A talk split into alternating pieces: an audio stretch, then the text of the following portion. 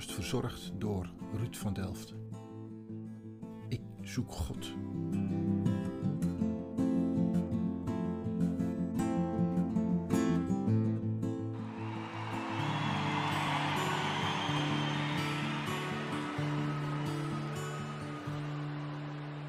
Kwart over zeven op zondagmorgen hoor ik een stem die heel zachtjes aan me vraagt. Marco Borsato Ben je al wakker? zingt over zijn dochter. Deze opname kun je terugvinden op YouTube. Een live optreden waarin veel vaders met hun dochter staan. Op schouder, omarmd. Waarbij de vaders over het algemeen zwaar geëmotioneerd zijn. Wat is het toch bijzonder om een dochter te hebben? Een kwetsbaar leven en tegelijkertijd zo krachtig. Dit lied gaat vaak door mij heen op een moment als ik over dochters lees in de Bijbel. In dit geval Numeri 27. Daar staan dochters beschreven van een vader die er niet meer is. Ik heb in mijn e-book een hoofdstuk gewijd aan deze dames. Overigens, dat e-book kun je gratis krijgen als je daarin geïnteresseerd bent. Je mag me een mailtje sturen. Ik wil het hoofdstuk over die dochters wil ik voorlezen. En nodig je van harte uit om verrast te luisteren en misschien niet van tevoren te weten waar het over gaat. Je mag je Bijbel erbij pakken als je die hebt. En anders op internet zijn Bijbels genoeg te vinden. Lees je mee op nummerie 27. Hmm, het hoofdstuk voorafgaand is een mooie aanloop. Veel plezier bij de dochters. En wat gaat de tijd toch snel? Gisteren nog zag ik Een bijzonder moment tijdens de uittocht is als Mozes de opdracht van God krijgt om het volk te tellen. Deze telling is om het land en de grootte van de stukken land na de intocht te verdelen. Wie in het beloofde land welke stukken zou krijgen, dat wisten ze op dat moment nog niet. En voor de verdeling werden de mannen van 20 jaar en ouder die in het leger zaten geteld. De vrouwen, meisjes en de jongens van onder de 20 dus niet, dus zeg maar de rest. Mozes gaat direct met de opdracht aan de gang. Hij verzamelt het volk in de velden van Moab aan de Jordaan bij Jericho. Wie de stammen van Israël uit zijn hoofd kent, zal opmerken dat die van Levi, notabene waar Mozes zelf uitkomt, niet wordt vermeld. Daar was een bijzondere reden voor. Levi kreeg geen grondgebied. Tijdens de aanbidding van het gouden kalf hebben de Levieten niet meegedaan. En als dank heeft God hen daarvoor beloond. En in plaats van land mogen zij heffingen vragen aan de rest van het volk. En daarmee zijn ze in de gelegenheid om te dienen in de tempel en in de tabernakel. Ook Jozef wordt niet in de rij genoemd. En Genesis 48 zegent Jacob de zonen van Jozef, zijn kleinkinderen dus. In vers 5 zegt hij tegen Jozef: Nu dan, jouw twee zonen, die bij jou in het land Egypte geboren zijn, voordat ik bij je in Egypte kwam, zijn van mij. Ephraim en Manasse zijn van mij, net als Ruben en Simeon. En daarmee komen we weer op twaalf stammen. We maken de rekening op en we komen op het getal van rond de 600.000.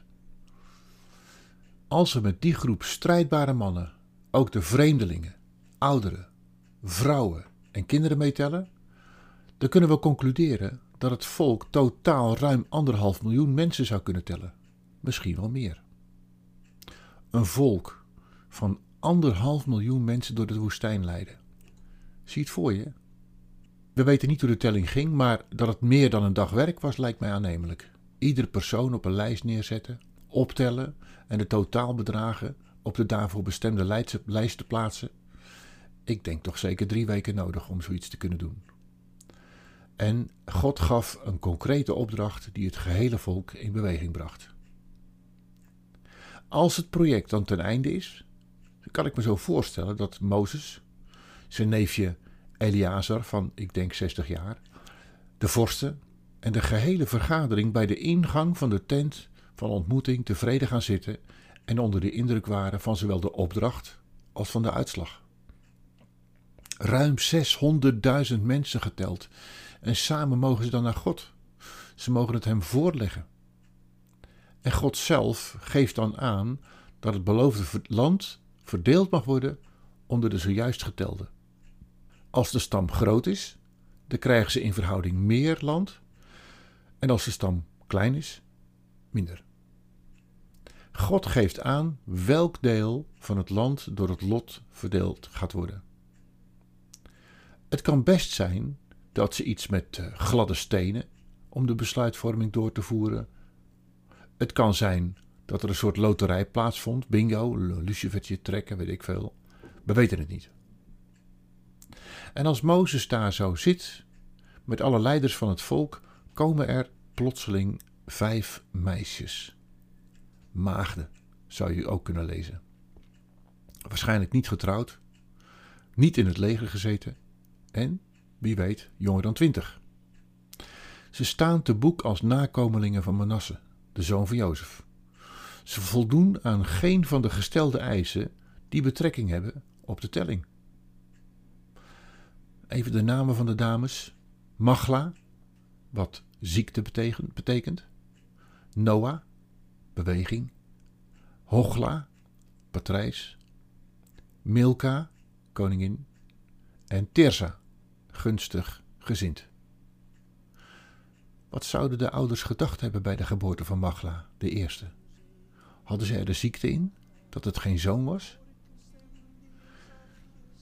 Zie het voor je, vijf meisjes die voor Mozes, Eleazar, de leiders en de gehele vergadering staan en hun vraag stellen, zoals je ook gelezen hebt, onze vader is gestorven in de woestijn, hoewel hij zelf niet behoorde tot de aanhang van hen die tegen de Heere hadden samengespannen, tot de aanhang van Korach.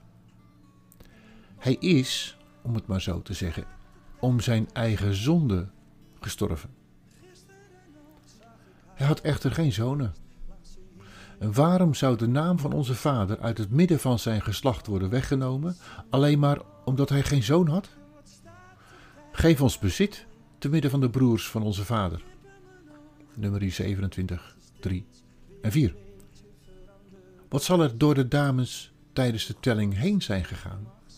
Hebben ze met elkaar gesproken? We weten het niet, maar het lijkt dat ze hun kans zagen om de vraag te stellen aan Mozes. Tijdens de gesprekken met mensen heb ik met enige regelmaat gevraagd hoe zij denken dat Mozes zou reageren op deze vraag. De meeste reacties waren dat ze het verhaal niet kenden onder het motto: Staat dat in de Bijbel? Na enig denken kwamen ze dan tot de conclusie dat ze het niet wisten. 33% van de bevraagden gaf aan dat Mozes het aan God zou voorleggen. Tja, stel dat ik in de schoenen van Mozes zou staan. Mijn antwoord aan de dames zou kunnen zijn: uh, luister eens, jullie geslacht valt onder Manasse. En op termijn gaan jullie trouwen met iemand die mogelijk wel onder de voorwaarden valt. Ik zou kunnen zeggen dat God nu eenmaal de voorwaarden heeft gegeven en daar houd ik mij aan. Het bijzondere aan de houding van Mozes is, denk ik, het geheim van een man Gods. Geestelijk leiderschap wil ik dat noemen. Mozes gaat met rechtsvraag door naar God en legt het hem voor. Dat is geestelijk leiderschap. Samen op het strand, haar handje in de mijne. En dan zet ze de tijd even stil. Is het weer even net als toen? En heeft ze mij maar dan het antwoord van God. Veel van de mensen die ik sprak wisten al niet hoe Mozes zou reageren, dus de wenkbrauwen van de meesten gingen nog een stukje meer omhoog op de vraag van hoe denk jij dat God reageert? Jij hebt het antwoord kunnen lezen in nummer 27 vers 6 en verder. Maar het is zowel wonderlijk als verrassend. Het lijkt alsof God zijn eerdere uitspraak terugneemt en met een nieuw inzicht te berden komt. Zo van, de dochters van Zelofgat hebben gelijk. U moet hun inderdaad een eigen erfelijk bezit geven, te midden van de broers van hun vader. En u moet het erfelijk bezit van hun vader op hen doen overgaan. En dan vers 8. En tegen de Israëlieten moeten zeggen: Wanneer iemand sterft en geen zoon heeft, dan moet u zijn erfelijk bezit op zijn dochter doen overgaan. En als hij geen dochter heeft, moet u zijn erfelijk bezit aan zijn broers geven. Het gaat nog wat verder in het verdelen van het erfelijk bezit, maar het mogen duidelijk zijn dat het hier een enorme concessie gedaan wordt ten opzichte van degene die wel aan de voorwaarden voldeed. Menselijkerwijs zou ik zeggen, had God dit niet van tevoren kunnen inschatten. Het had zomaar kunnen zijn dat de hele administratie over moest. Of dat Mozes in eigen ogen de opdracht letterlijk had genomen, dan had de inzettingen ook niet doorgevoerd geweest. Nou ja, we kunnen in ieder geval concluderen dat er met God te praten valt. En dan nog een bijzonder aspect: het eert uw vader en uw moeder. Dat deel van het verhaal gaat over de houding van de dames. Ze vertellen dat hun vader om zijn eigen zonde in de woestijn is gestorven.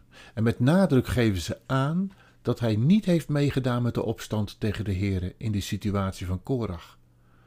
Ze zuiveren de naam van hun vader, ze eren hem zoals het in de tien geboden is opgenomen. Eert uw vader en uw moeder. Ze kijken met respect terug. Maar ze kijken ook vooruit. Ze vragen ook een deel van het land waar nog om gevochten zal gaan worden. Wat ze niet weten is hoeveel ze gaan krijgen of, of welk deel. Sterker nog, het zou zomaar kunnen zijn dat ze het land nooit hebben gezien en dat hun nageslacht het pas heeft kunnen innemen. Met respect terugkijken en hoopvol uitzien. Ze zijn een onderdeel van het hele verhaal en durven tegen de opdracht van God in te gaan, zo lijkt het, maar verlangen ook meteen de belofte niet voor zichzelf, maar voor de volgende generatie.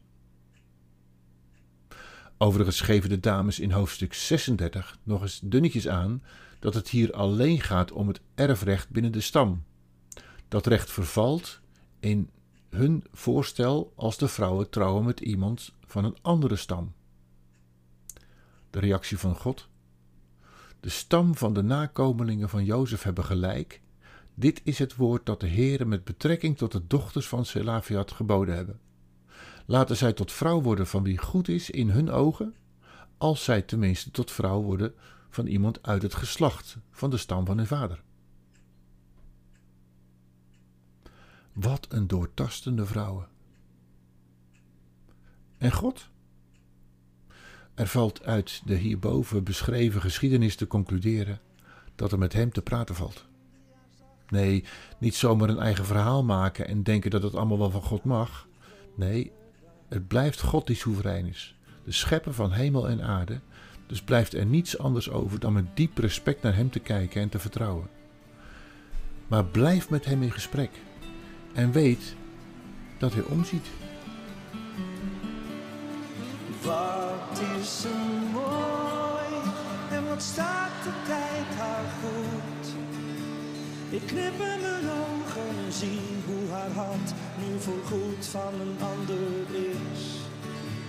Maar waar ze ook mag zijn, in gedachten is ze hier bij mij.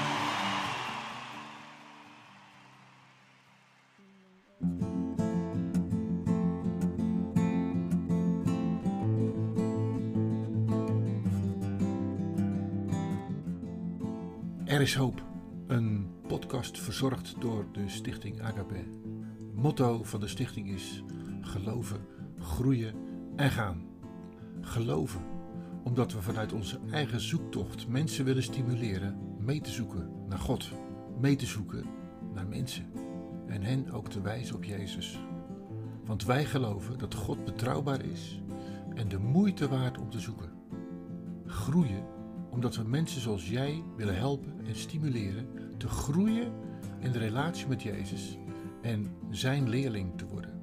Gaan, we sporen mensen zoals jij aan om anderen te helpen ontdekken wat het is om te leven met Jezus. We leren je om je leven te delen in je eigen omgeving of de plek waar God je naartoe stuurt.